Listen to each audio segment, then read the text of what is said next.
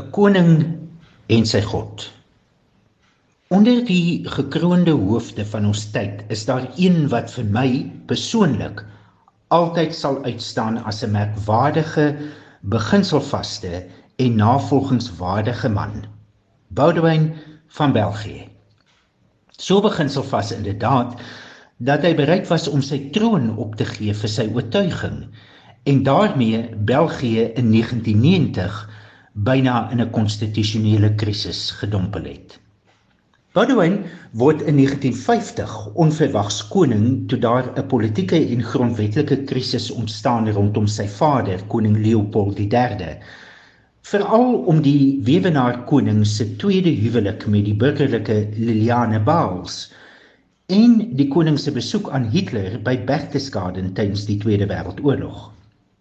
Terwyl België huiwer op die rand van burgeroorlog, abdikeer Leopold III ten gunste van sy skaam, onvoorbereide 19-jarige seun.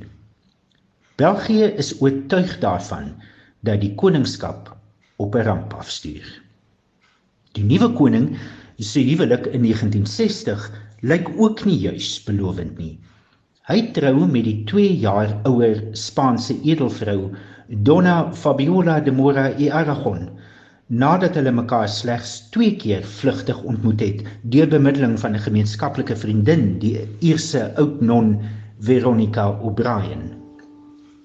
Dis 'n oop geheim dat die druk van die regering op die jong koning om 'n huwelik te sluit die bepalende faktor is. Wat die twee jong mense wel aan mekaar verbind, is 'n gedeelde diep geloof. Hulle begin elke dag te same met oggendgodsdiens. Wonder bo wonder, is dit 'n besonder suksesvolle huwelik. Boudewyn en Fabiola leer mekaar werklik liefkry. Die enigste tragedie is die feit dat na 5 mislukte swangerskappe dit duidelik is dat hulle kinderloos sal bly. Uit hierdie agtergrond sprei dan ook die feit dat beide die koning en koningin hulle toespits op kwessies om kindersorg, gestremde kinders en mishandelde kinders wêreldwyd. Omdat ons geen kinders van ons eie het nie, sê Boudewyn in 'n Kerstoespraak, het ek en my vrou al die kinders van ons land en die wêreld as ons eie aanvaar. In België dra die koning geen politieke mag.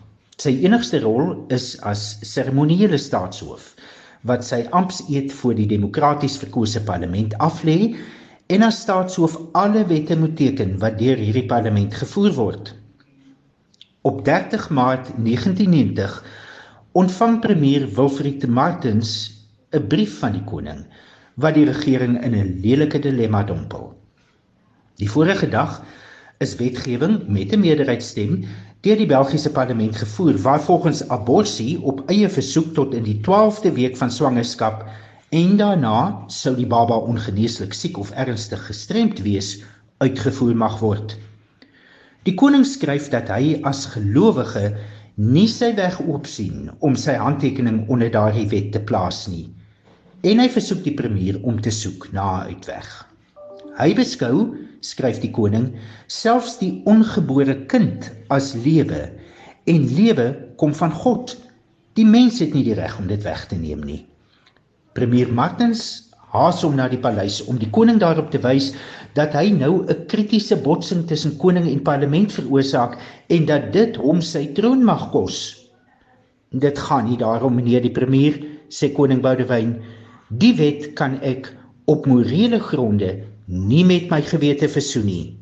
Ek teken dit nie. Nou roep Martens in die raadse vergadering van die kabinet en oppositieleiers byeen.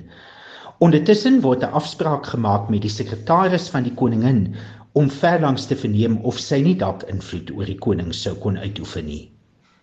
Nooit in al haar jare sou Fabiola soveel as een keer selfs 'n politieke gedagte opper nie maar hierdie keer staan sy vas. Sy voel self strenger oor die wet as die koning self. Nou ja, argumenteer premier Martens, as dit dan 'n godsdienstkwessie is, kom ons roep die kerk in. Hy neem die invloedryke kardinaal Godfried Daniels van Brussel na die paleis.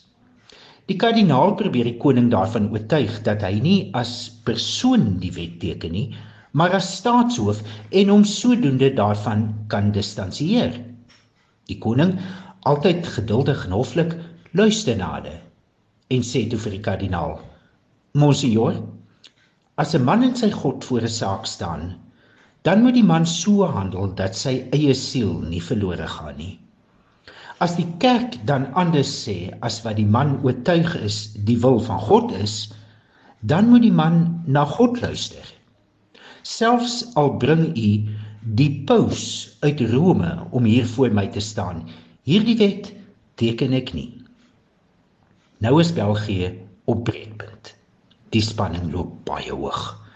Selfs die ondersteuners van die wet is agter die koning. 'n Ongekende 77% van die Belgiese volk steun die koning se reg om te weier. Premier Martens en sy ministers kry uitskelbriewe van oral oor. Julle is 'n klomp hipokrate, julle verkose politici, skryf een vrou aan 'n koerant. In die parlement stem julle teen die wet en toe die meerderheid daarvoor stem, toe swaai julle om en nou wil julle die koning dwing om teen sy gewete te handel. Die Martens regering wankel en die koning steek vas. Die regsmense spring nou in met 'n besondere breë interpretasie van artikel 93 van die grondwet. Indien die koning in die onmoontlikheid verkeer te regeer, roepende ministers na dese onmoontlikheid te hebben vasgestel, de kamers dadelik byeen deur die Verenigde Kamers word in die voogdy en in die regentskap voorsien. En so verklaar die regering op die oggend van 4 April dat die koning uit eie bekendtenis nie in staat is daartoe om te regeer nie. Vir 48 uur op 4 en 5 April 1990 het België geen koning. Daar is enorme verdeeldheid in die parlement hieroor. Die Vlaamse blok stap uit In die verlede is 'n koning tydelik onthef as daar van buite bevind is dat hy nie kan regeer nie. Soos toe Leopold III deur die Duitsers in ballingskap weggevoer is, maar nog nooit het 'n koning homself onbevoeg verklaar nie.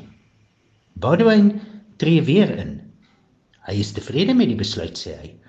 Al kos dit hom die troon en die monargie, maar teken sal hy nie.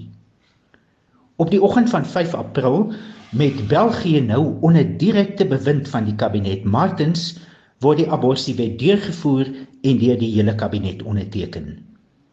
Om middernag op 5 April word 'n vreemde persverklaring deur die paleis van Laken uitgestuur.